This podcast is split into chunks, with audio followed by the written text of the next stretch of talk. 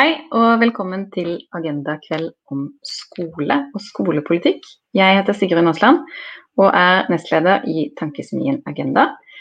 Um, og det er alltid med stor ydmykhet, uh, i hvert fall jeg, beveger meg inn i skoledebatten. Uh, det er et tema vi alle har et forhold til. Uh, et område det forskes mye på, med utrolig mange flinke fagfolk, men også mye politikk og mye politisk uenighet. Eh, og jeg tror jeg aldri møtt noen som ikke har en mening om skolen. Jeg tenker det er lurt å begynne enhver skoledebatt med å si at norsk skole er god.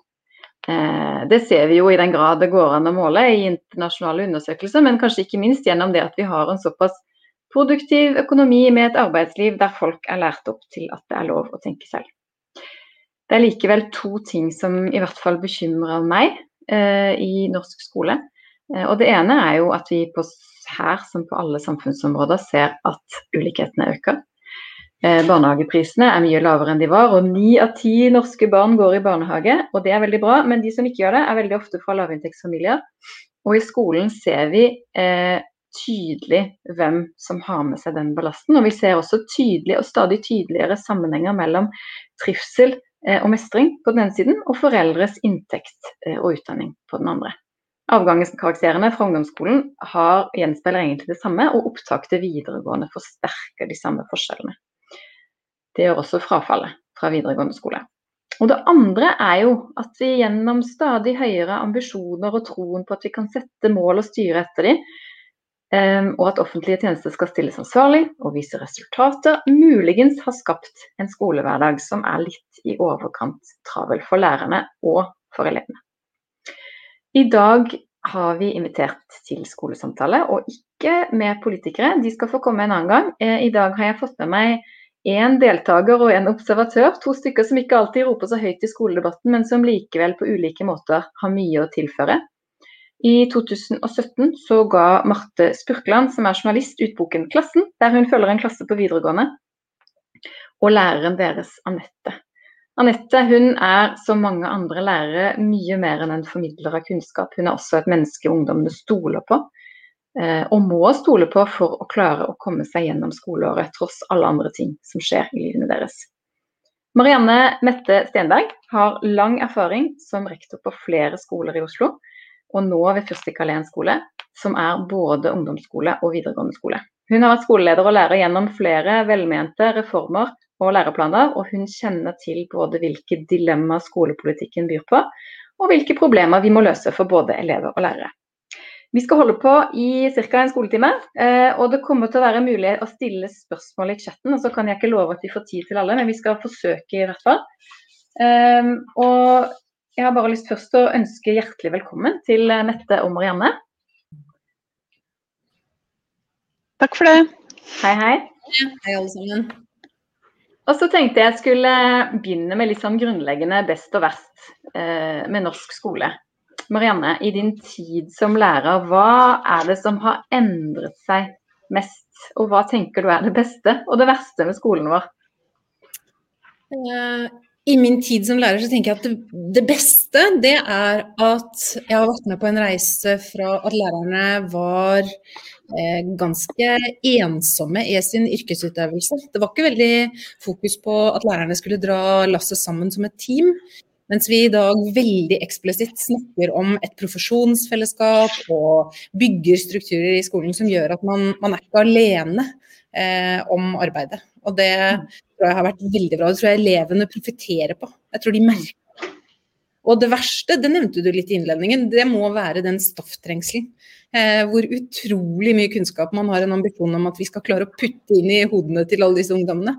Sånn at vi kanskje, at vi kanskje misser på noe av det som er det viktigste.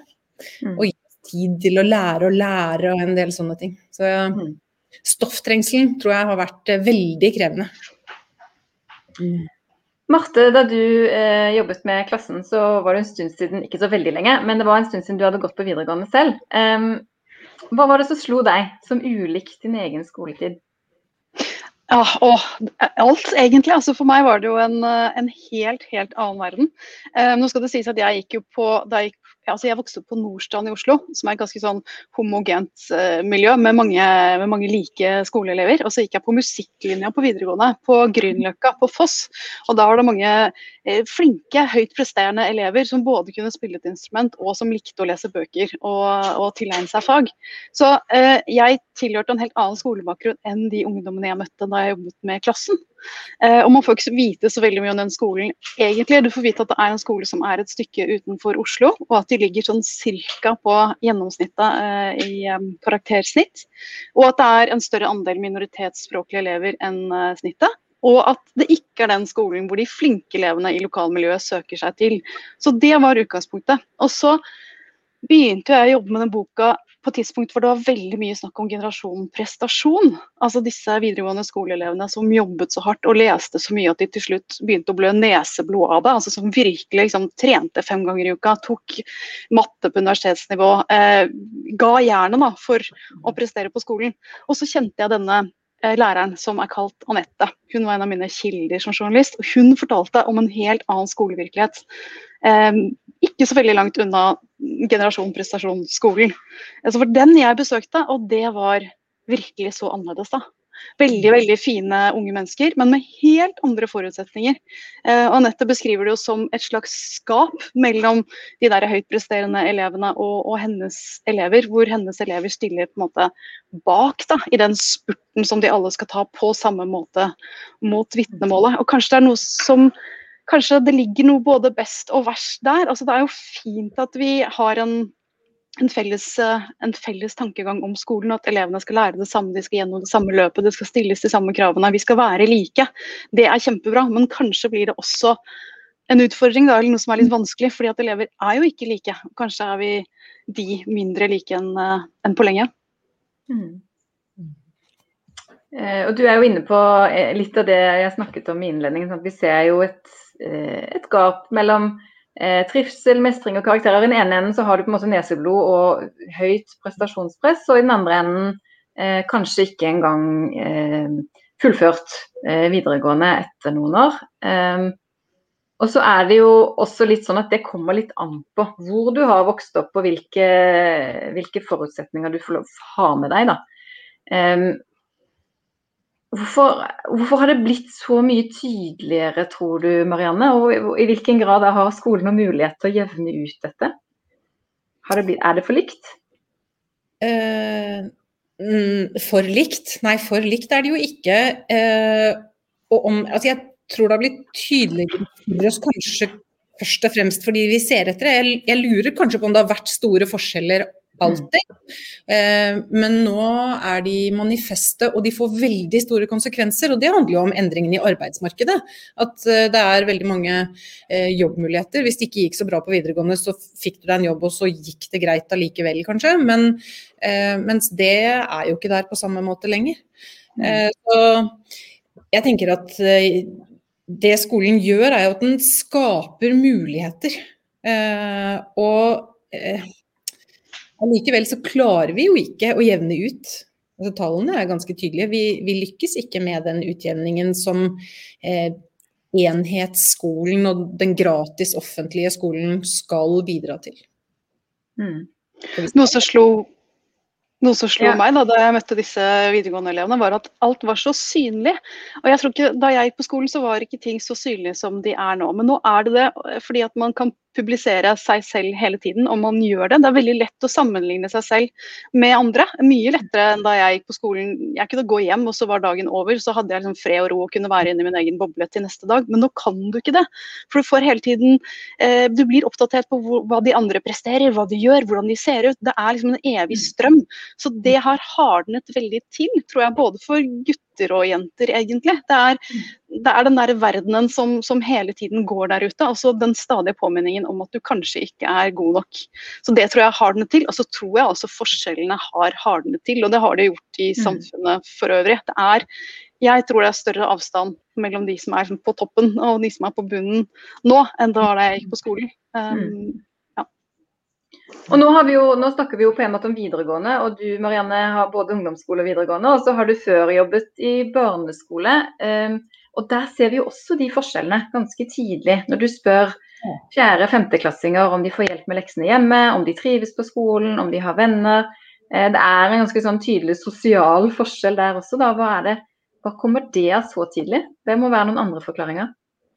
Ja, der er det jo der er det hjemmeforhold. Altså, vi lever, eh, i hvert fall her i Oslo nå, i et samfunn som, eh, som er veldig mangfoldig. Eh, og førsteklassinger kan jo ha veldig, veldig ulike rammer, for, men som ikke er type omsorgssvikt. Altså, det er ikke sånn at det er forhold som andre instanser skal gå inn og hjelpe til med, men som allikevel skaper en utrolig spredning i hva de har med seg, hva, hvilken, hvilke forutsetninger de har for læring. Mm. Det, om det kan være ulike kulturer, det kan være ulike prioriteringer, det kan være ja, alt. Så, så jeg, er nok jeg er enig med deg, Marte. Det er et det er veldig det er veldig store forskjeller innad i nesten hver klasse jeg har møtt. Og Majorstuen som jeg ledet tidligere er jo en 1-10-skole, så der så vi dem jo i, i ti år. Og hvordan disse forskjellene eh, vedvarte. Mm. Anette, da, læreren som, jeg, som var en slags hovedperson i mitt prosjekt, hun forteller at hun hun møter av og til studie, studievenner i sånne læremiddager, hvor de kommer fra de forskjellige skolene sine og, og snakker om livet. Og da, det, da, kan hun møte lærere som jobber ved f.eks. Elvebakken, da, som er en veldig sånn høyt presterende skole i Oslo. Og så sitter hun og tenker at ja, men din hverdag, din virkelighet er så annerledes enn min. den. Um, det, ikke, det, høres ikke ut som det er samme yrke de jobber i. For at de tiltakene og metodene de må bruke er så forskjellige, og nivået av oppfølging og tilnærming er altså, ja, Det er som om det ikke er samme yrke de utøver. Og hun, altså Den klassen som jeg fulgte, de var 29 elever i klassen. Um, og av dem så sa hun at det var tre stykker av de elevene som hadde lest en roman frivillig noen gang før de kom på videregående skole. Mm. Og Det er klart at det er en kjempeforskjell om du har foreldre som fòrer barna med litteratur og diskuterer samfunnsforhold og kan sette seg ned og hjelpe med lekser. Altså Jeg har en datter som går i åttende nå, som har begynt med algebra, og takk og pris at faren hennes kan hjelpe henne med det. Eh, og Rebekka, som var en av elevene jeg fulgte i, i, klassen, hun har jo dysleksi, og foreldre som virkelig veldig gjerne vil hjelpe henne. Men når hun eh, tar psykologi valgfag, så sliter jo de også med å, med å skjønne hva som står i, i bøkene. Det er klart at um, ja. Og, og en, jeg tror noe av det som de elevene, de sju da, som jeg fulgte, hadde til felles, var at hjemmeforholdene manglet på en måte den den gode voksenpersonen, eller de gode voksenpersonene som så de elevene, som de kunne snakke med om livet sitt, og som liksom alltid var en trygg havn for dem. De hadde ikke det. Um, og da ble jo Anette den personen, eller læreren deres, da valgte på en måte å ta den rollen. Uh, og Så kan man diskutere om lærere skal det eller ikke, men hun syntes det var en nødvendighet og gjorde det. Um, og Hvis ikke så mente hun at hun hadde ikke fått dem over den målstreken som de skulle da, til vitnemålet. Krever skolen mer av foreldrene enn før, Marianne? Ja, kanskje. Ehm, jeg er litt, eh, jeg er litt usikker på det. Altså, jeg tror det er et både-og. Jeg tror skolen Eh, skolen forventer nok at foreldrene er påkoblet, og man forventer en form for støtte i læringsarbeidet som kanskje ikke var der så tydelig før. Eh, men Eh, på den annen side så opplever vel vi noen ganger at eh, f.eks. gjennom digitale løsninger sånn som vi holder på nå, så, så blir skole-hjem-samarbeidet mye tyngre. Da forsvinner det. For da er eleven inne i datamaskinen, og så blir det ikke, det blir ikke så tydelig for mamma og pappa hva, hva de holder på med. Mm. Det er ikke kledd over bordet. Nei. Du nevnte disse lærermiddagene med veldig ulike skoler som møtes, eh, Marte. Og mange vil jo si at det, karakterbaserte opptaket vi har til videregående skoler i Oslo og noen andre steder, har forsterket de forskjellene. Da. At det, eh, det går like barn på like skoler. Eh, hva, eh, hva, tenker dere begge om det, og, og hva er alternativene? Jeg synes det er veldig interessant. Jeg synes Det er et kjempeinteressant spørsmål. ikke, Det er vanskelig å vite hva jeg selv syns om det. for som Jeg sa innledningsvis, jeg gikk jo på musikklinja på Foss, og det var helt fantastisk for meg å komme meg bort fra Nordstrand og treffe flere som var like nerdete som meg og spilte et instrument. Helt topp. Eh, men samtidig så ser man jo at eh, altså det, det, at noen skal ha en sånn følelse av at vi går på en taperskole, sånn som elevene i klassen gjorde. da. De visste veldig godt at deres skole ikke var førstevalget til eh, resten av ungdommene der ute. Og det gjorde jo noe med den, den bevisstheten om at nei, men vi er, vi er på en måte utgangspunktet de som ikke presterer, vi. Um, og så tror jeg det er bra for de høytpresterende elevene også å se et mangfold, da, og se at verden er litt mer avansert enn akkurat disse likebarna som leker veldig godt. Um, så ja, nei, det er eh, Jeg tror vel kanskje at jeg heller med mot mangfold. At vi trenger, vi trenger å se hverandre. Vi trenger, eh, mm. vi trenger, virkemidler som gjør at ikke det blir ensrettet. Hva tenker du, Marianne? Ja, det er jo utredet og tenkt mye rundt dette. Og det er sånn at eh, da jeg hørte om det sist, det var en presentasjon som, som, ble holdt her, faktisk, på skolen hos meg, hvor uh, forskere og politikere diskuterte en lang stund. Og, og, noe av det som går igjen, er at nesten alle modeller kan manipuleres. Uh, sånn at det å lage et system som man vet at vil fungere godt, og da med tanke, en, tanke om en heterogenitet som er sunn. For det er jo riktig som du sier, Marte, at idet man går inn i videregående, så begynner man jo å gjøre mer selvstendige valg. ikke sant, Type musikklinje. Man kan, ikke, man kan ikke bare ha bostedsvideregående skoler som skal favne den bredden som er i utdanningstilbudet i videregående skole i dag. Det går ikke. De kan ikke ha alle linjene alle sammen. Eh, så, så at man må gjøre noen former for valg, det vil man jo gjøre. og det det er jo bra. Da blir man blandet på nytt, eh, får definere seg selv litt på nytt. Men heterogenitet er viktig for et læringsmiljø. Hvis det blir for likt, så blir det ikke så, det ikke så bra. Mm. Eh, vi var inne på eh, Jeg holder litt fast på de sosiale forskjellene i både hvor godt man trives og, og hvordan man eh, hva man får ut av skolen. Og så er det jo, og i din, tid som både lærer og leder, Marianne, har vært mange reformer. Eh, og alle med i hvert fall delvis begrunnelse om å utjevne forskjeller. Seksårsreformen skulle gjøre at alle fikk et slags sånn siste barnehageår og begynte da de var seks. Eh, og så skulle så skulle man, men så puttet man inn skolefritidsordning og aktivitetsskole i det. Da Kunnskapsløftet hadde jo også noen eh, ideer om at det var behov for mer grunnleggende ferdigheter for å utjevne observerte forskjeller i hva barn lærte. Men så mm. har da likevel forskjellene økt isteden. Mm. Hva, eh, hva var det som gikk galt, hvis det går an å si det? Det er selvfølgelig sammensatt, eh, men, men, nettopp eh, målingene, altså det at man har hatt et så sterkt fokus på å måle eh, deler av kunnskapen som elevene har, og at man har eh, Altså, de første prøvene i skolesystemet heter kartleggingsprøver, og de er viktige, men jeg er litt usikker på om de alltid har blitt forstått som det. Og da seksårsreformen ble gjennomført, da var jeg lærer i skolen, og vi hadde en ambisjon om at de fortsatt skulle lære gjennom lek. Men jeg er ikke sikker på at det heller er sånn det har gått. Jeg tror kanskje at uh, skolen har uh, truffet mang en fem år gammel gutt ganske brått og hardt, og at det er vanskelig å definere seg selv på nytt som elev. Hvis du, er, hvis du har mest lyst til å være ute og klatre i trærne fremdeles, mm. så får du ganske fort en forståelse av deg selv som elev og i, i den rollen. Og så henger det i langt opp i skoleårene. Så om fleksibel skolestart er en løsning, eller om man kanskje rett og slett heller skulle gjort uh, i mitt hode et gratis siste barnehageår.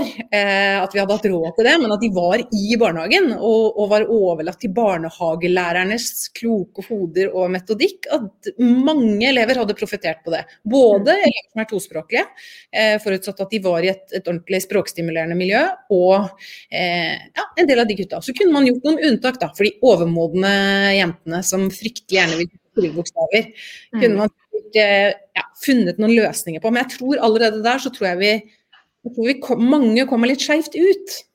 Mm. Det ble gjort en utredning i forbindelse med seksårsreformen hvor forskere ble spurt om, om det var en god idé med seks, seksårig skolestart. Hvor de sa det eh, kan dere gjøre, men da må det lages et helt eget pedagogisk opplegg. Fordi de har ingen grunn til å tro at de kommer til å lære noe tidligere.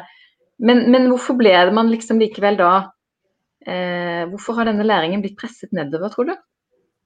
Når du sier det er bedre om de hadde vært i barnehagen? jeg tror ikke vi skal underkjenne at uh, barnehagelærerutdanning og lærerutdanning er to helt forskjellige ting. Og jeg tror ikke det er vond vilje hos noen av dem, men jeg, jeg tror at uh, det, det, er en måte å tenke om læring på. Og så er det veldig mange dyktige eh, lærere helt, altså ned i de første skoleårene som er veldig flinke til å gjøre det lekpreget. Men bare se på voksentettheten. Altså selv om vi nå har fått en lærernorm, så er det mye høyere voksendekning i barnehagen. Og skal du møte han umodne femåringen som ikke har lyst til å sitte stille og holde på med noe sånt, så, så må du ha ressurser nok til å jobbe annerledes. Mm. Til å være sammen med ham på en annen måte. Jeg tenkte vi skulle gli over i det andre problemet som jeg innledet med, altså tid. og Du snakket om det helt i begynnelsen også, Marianne, da du kalte det stofftrengsel. Eh, eventuelt eh, tid til å følge opp både de som sliter og de som blør neseblod. Eh, for det er ikke så mange grenser for hva vi forventer av lærerne. og Det er mye som skal læres, og det er mye annet som skal gjøres også. Og du skriver, Marte, i boken din om Anette, jeg syns det var veldig fint eh, sitat, hvor hun observerer at Elevene er ikke fugleunger som sitter der foran meg med åpent nebb og kan bare mates med faglig innhold. Skal jeg hjelpe dem med å skjønne Kiellands kare, må jeg kanskje først hjelpe dem med det som står i veien for at de skal lære. Hva mener hun med det? Ja, det mener hun vel to ting med. Altså, det ene er jo at um, hun må ofte gjøre en ryddejobb, eller iverksette elevene med å gjøre en ryddejobb. For det er så mange av dem som har andre ting som drar i dem. Altså Du har eh, gutten Max, da, som vi følger, som har en slags altså Han krangler mye med faren sin hjemme og har en slags sånn sosial angst som gjør at han, det er vanskelig for ham å stå opp av senga. og eh, Når han først kommer seg på skolen, så hender han snur ved porten, for han vet at alle kommer til å spørre ham eh, hvor har du vært i det siste, og det har han ikke noe bra svar på. Så Han kommer ikke over altså Den, den angsten eh, gjør at ikke han kommer seg på skolen. og Han er kjempesmart, kanskje den mest intelligente gutten hun har hatt i et klasserom noensinne, men han kommer ikke, og han presterer ikke, for han er så redd for hva de andre tenker om ham. Uh, så for at han skal kunne vise hvor god han er, da, så er hun nødt til å hjelpe ham til på en eller annen måte komme over det. Eller finne noen løsninger som gjør at han kan fungere hvert sånn halvveis og komme på et minimum av det, sånn at det akkurat skal gå. Og det er en type den prosessen må hun iverksette for mange av elevene sine. For det er ikke bare han, det er jo også Daran som, som på en måte har kjempelyst til å få gode karakterer og prestere i det norske samfunnet. Men så har han også en guttegjeng som skal ut og slåss, og da kan ikke han si nei, for da er han sosialt død. Eh, så den type problemstillinger må hun på en måte hjelpe dem å ta fatt i da, for å gjøre dem klar for læring. Og det tar veldig mye av hennes tid. Eh, og hun gjør det frivillig og hun syns det er meningsfullt. Men døgnet har jo bare så mange timer som det har. Mm. Så det blir fryktelig fryktelig travelt for henne. Mm. Det, må det være henne som gjør alle de tingene, eh, eller kunne hun eh, fått en avlastning på dette, Marianne? Ja, hun må det. og ære være Anette. Og jeg tror det finnes mange Anetter i norsk skole. Mm. men jeg tror ikke det går an for meg som rektor å putte det inn i noen stillingsbeskrivelse. Det, det går ikke. Eh, så eh, løsningen i mitt hode er ganske åpenbar. Det må, eh, det må, flere yrkesgrupper tettere på skolen. Eh, og særlig de skolene som da er som den skolen hvor Anette jobber, for det er forskjell. Eh, du nevnte i sted at hun eh, har kollegaer som jobber på andre skoler, og der er kanskje ikke behovet så stort. Men vi må eh, avbyråkratisere hjelpen, få den nærmere elevene og gjøre dem eh, Gi dem flere voksne å spille på. Da. Men jeg har et lite bilde nå fra, fra all Teams-undervisningen som vi holder på med, hvor en av lærerne mine sa det som et sånt ordentlig hjertesukk. At du vet, det jeg vanligvis bare gjorde i døren, for jeg ser det på ganglaget, om han har en sånn eller sånn dag. Jeg ser det om det er hettegenseren trukket ned, eller om han har på seg skjorte i dag. Altså, det er så utrolig mange små tegn og signaler som jeg vet at oi, i dag trenger du ekstra backing meg, av meg. i dag må du jekkes, liksom, justeres litt. I dag oi, den kjærlighetssorgen har veltet deg helt, ja. Alle de tingene ser han i døråpningen og gjør. De er borte i Teams. Mm. mm. Så det, det skal, altså Lærerne må, må, få den rammen, men når det da er kjærlighetssorgen velter en eller annen, da må det være noen andre der. Mm. Mm. Da kan ikke BUP sitte et annet sted et annet sted i Oslo, så man skal gå av gårde og finne T-banen og komme seg til et fremmed kontor, og etter tre måneders henvisning går ikke det. Skolepsykologen må være her, på skolen. PP-rådgiver må stå der og støtte lærerne når de er usikre på eh, diagnoser, eller kanskje ikke diagnoser engang. Det kan være noen tegn og symptomer til at læringen ikke flyter helt fint. Kanskje skal man være så opptatt av diagnosene. Kanskje skal vi bare samarbeide om å få læringen til å flyte. Var det ikke for, jeg for, et, for et år siden eller kanskje litt mer, så var det vel en undersøkelse som viste at i snitt så er det 500 elever på én helsesykepleier i skolen. Og det syns jeg høres helt vilt ut. Altså, hvordan, hvordan, skal få, hvordan, skal en elev få, få, time da hos den helsesykepleieren, hvis, mm. hvis, hun eller han er der to dager i mm. uka da, og det står 100 andre foran i kø. Det er klart at Da får jo ikke den eleven den hjelpen med den kjærlighetssorgen eller, eller hva det nå er som raser. Så mm. at, at det tilbudet må, må oppjusteres, syns jeg er helt åpenbart. Ja, men, og de har jo også en del sånne lovpålagte oppgaver. De skal vaksinere og de skal Så det, det, er mye av tiden deres som går til den typen ting. Eh, men jeg leste om en, et forsøk som var gjort, jeg tror det var i Nord-Trøndelag, hvor man også hadde flyttet barnevernet, det var riktignok ut i barnehagen eh, for en lang periode. Eh, og hvor barnevernsansatte på en måte ble en sånn en sparringpartner og som var der, og, og, som foreldrene var helt klar over at å ja, det, hun er fra barnevernet, hun kan du snakke med hvis du trenger foreldreveiledning. For 90, hva er det for noe? 94 av sakene i barnevernet handler om foreldreveiledning, ikke omsorgsovertakelse, som folk tror. Og det barnevernet så, var at hjelpebehovet er mye større enn det de får tak i. Fordi de var jo der selv og så det. Eh, så det førte jo til at det å få foreldreveiledning i de ulike fasene bare ble en naturlig del. Så barnevernet fikk mm. mer å gjøre, og barnehagen fikk veldig god støtte til eh, å ja, hjelpe både barn og foreldre inn i bedre samhandlingsformer. Men Marianne, hvis du da fikk inn noen flere yrkesgrupper inn i skolen eh, som kunne avlaste dette litt, så sier du det likevel må eh, Anette hjelpe Max overfor dørstokken på en måte, og se hvordan hettegenseren sitter og gjøre en del sånne ting. Men er det noe du helst skulle sett at lærerne brukte mindre tid på? Jeg er veldig glad i teknologi. Jeg lever under den overbevisning at eh, alle sånne manuelle, rutinemessige ting som, eh, som man gjør i skolen, de både kan og bør digitaliseres. Altså, sånne, det, høres litt sånn tøysete ut med sånne enkle ting som å føre fravær. Og så kan bare, elevene kan eh, bipe seg inn, og så går det varsler rett hjem til mamma om han møtte til engelsktimen.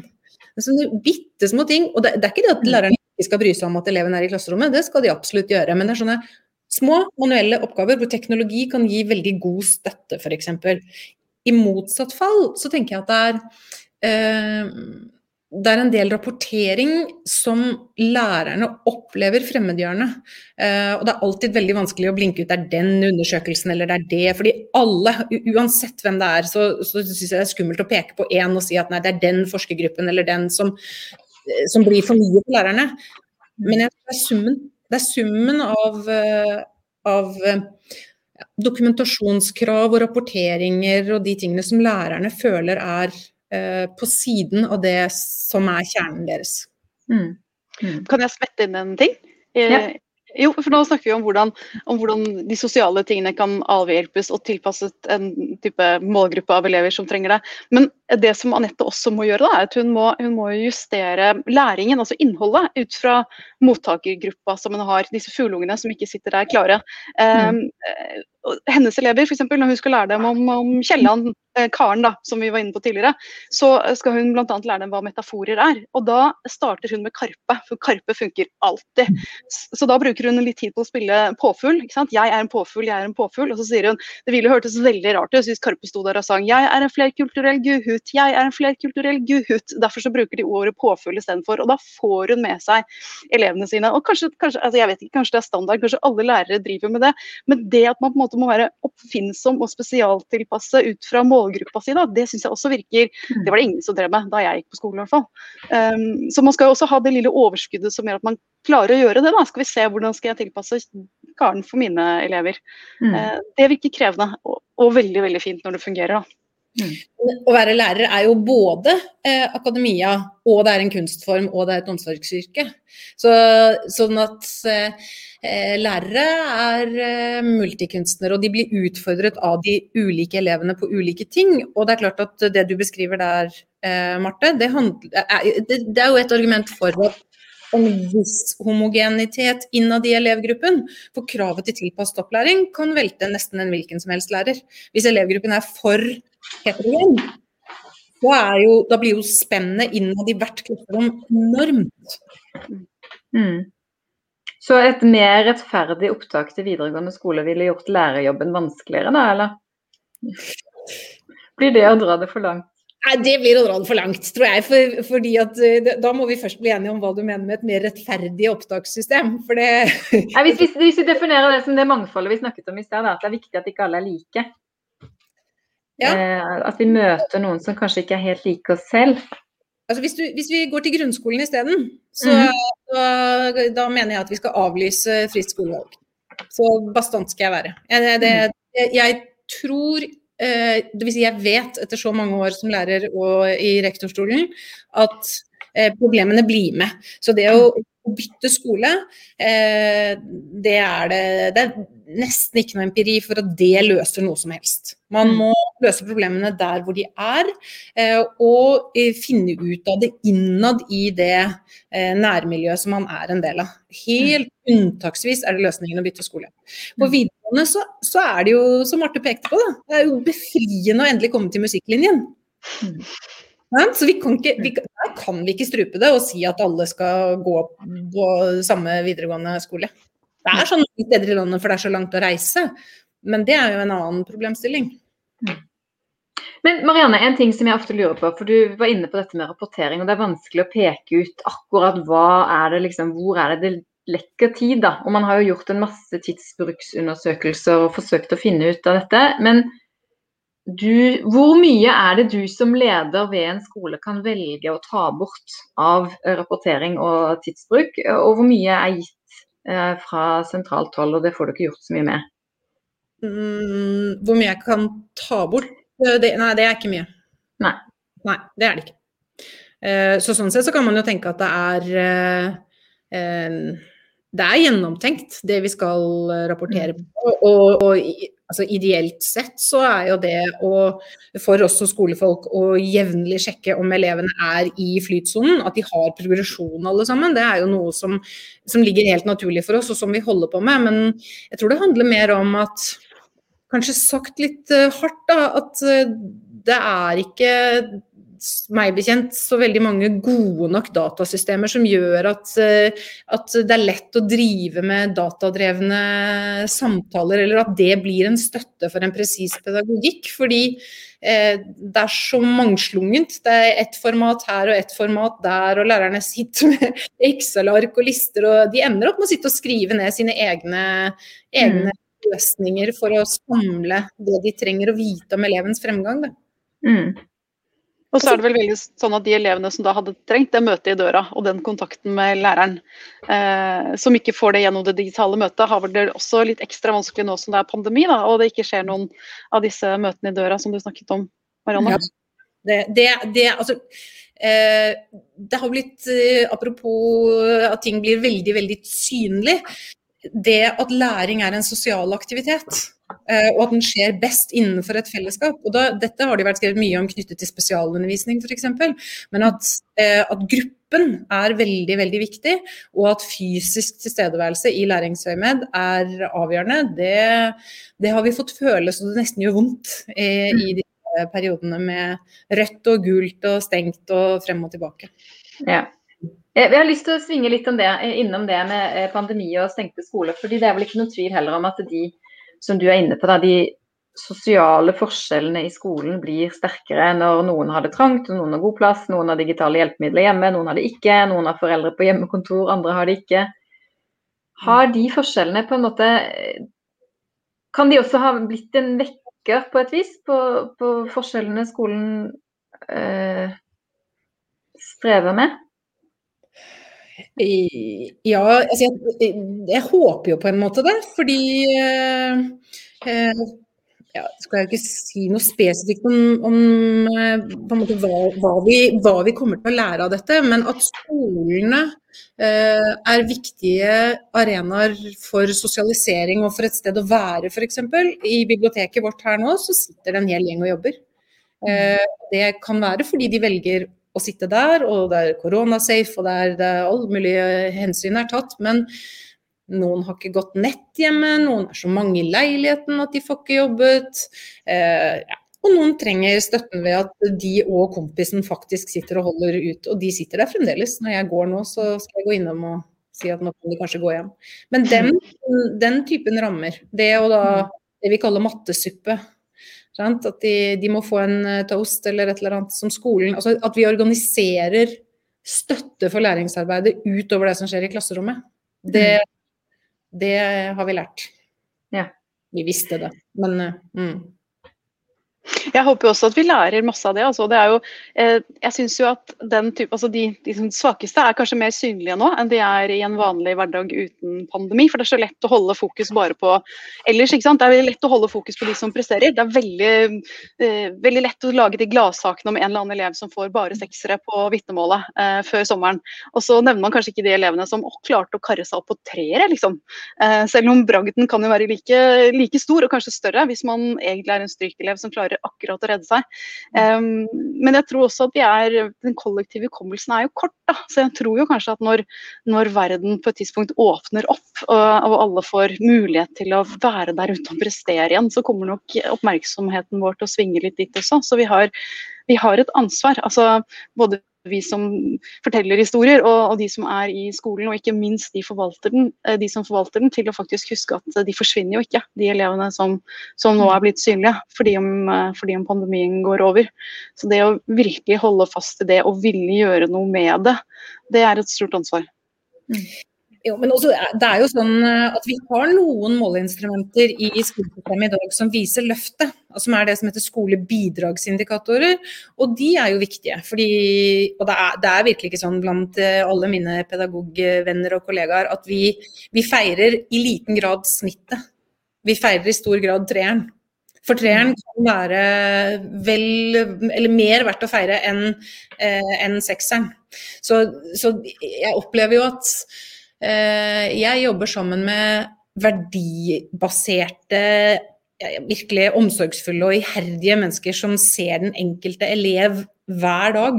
Eh, og det, eh, det å anerkjenne den, den, jobben de gjør, da, det, jeg, tror, jeg, tror skal, jeg tror vi skal være veldig oppmerksomme på at vi må finne måter å støtte lærerne både ved å ta inn flere yrkesgrupper og, og, lage bedre rammer, men også la fagene og det som er det lærerne har utdannet seg til og innen, være drivere for, for å jevne ut sosiale forskjeller.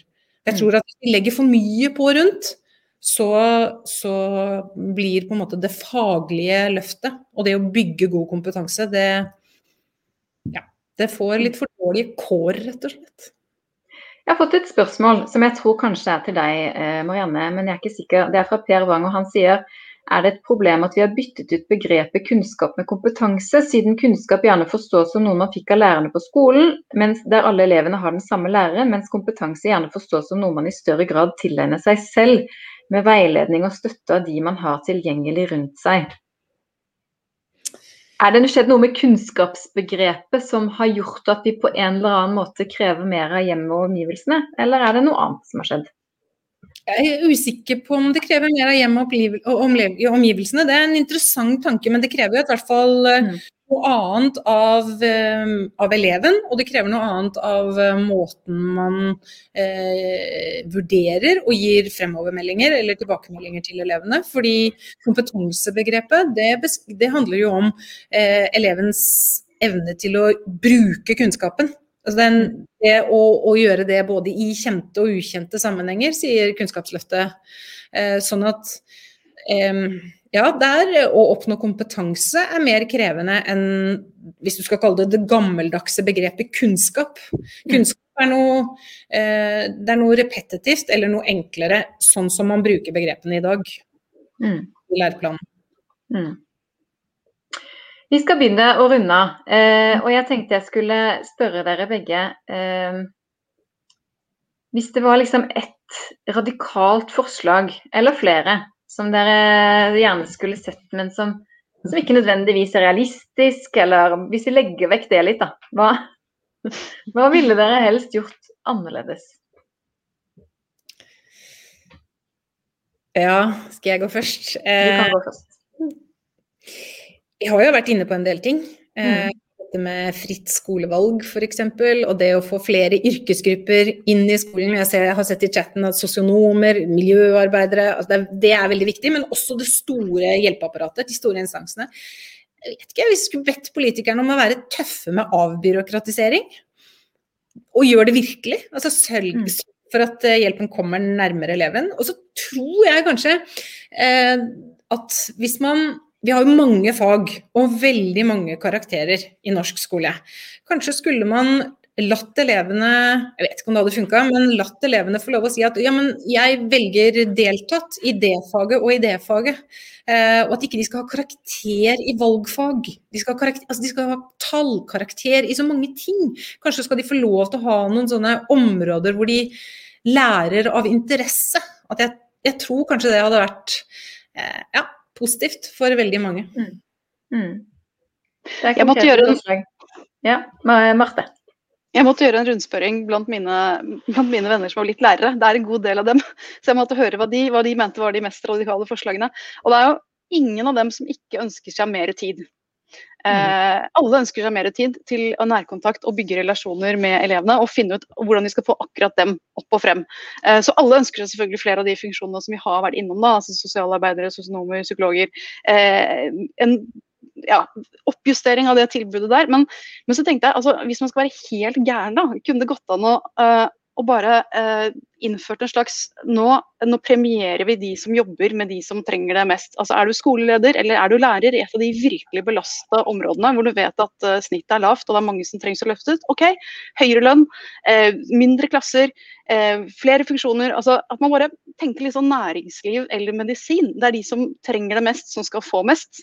Og så mm. bare eh, lar man de høytpresterende miljøene de kan klare seg litt selv, for de er jo tross alt ganske selvdrevne. Og så pøser man på med en masse ressurser. tenker Stykkprisen på noen steder kan være per elev da, kan være mye, mye høyere der det trengs mest, enn der hvor ting går litt av seg selv. Hadde ikke det vært litt galskap, men også litt fint?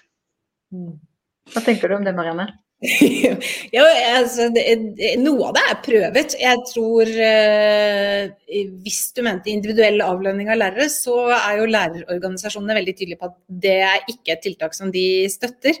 Eh, men mer ressurser til de skolene som er i de belastede områdene, det, det tror jeg absolutt Det tror jeg egentlig ingen er imot. En skjevfordeling av, eh, av ressursene. Mm. Eh, jeg tror vi må være mer kreative. Altså, jeg tror vi må bare prøve å sette oss ned og tenke sånn som du gjør nå, Martha. Så bare hive ting på bordet og lete etter hva er det vi skal gjøre. Og så holde eh, den offentlige gratis enhetsskolen veldig, veldig høyt. Og tenke hva er det, hva er det vi virkelig skal få til. Og mm. jeg har tenkt litt på at vi kanskje burde ha et, eh, et loppemarked. Vi trenger å hive ut, eh, og om det skal være skal jeg absolutt ikke nevne verken den ene forfatteren eller den, den andre delen av verken matten eller, realfag, eller noen av realfagene. Fordi, men, men, at det er nødvendig å gå litt til det som er eh, kjernen. Og ha klart for oss hva, hva er det vi bygger? Hva mm. er det, hva er det vi skal få til? Mm. Men noe må ut, da? Ja, for det er eh, elevene er stressa. Og læreren er stressa, og det er eh, ja, det oppleves nok av ganske mange som at det er, eh, det er for mye. Ja. For, mange, for, mange, krav. Mm. Så ordentlig skoleloppmarked, det hørtes veldig gøy ut. Pedagogisk loppemarked. Det høres ut som veldig gode ideer alt sammen. Eh, jeg håper vi kan ha nye loppemarked med enda flere ideer. Vi nærmer oss slutten. Jeg håper at folk har fått eh, noe utbytte av dette. Jeg har i hvert fall lært masse. Jeg har lyst til å si tusen takk til eh, Marte og Marianne for at dere ble med oss på loppemarken. Og vi er ikke ferdig med dette. Vi kommer til å jobbe mer med skole og ha flere møter om skole og flere samtaler om skole. Og vi håper at mange har lyst til å være med på det. Så tusen takk til alle som så på. Og hvis dere tenker at noen dere kjenner burde sett denne samtalen, så er det bare å sende en lenke, for den blir liggende ute på Facebook-siden vår eh, eh, til evig tid. Så eh, ha en strålende kveld. Tusen takk til dere, og takk til alle som så på. Ha det bra. Ha det.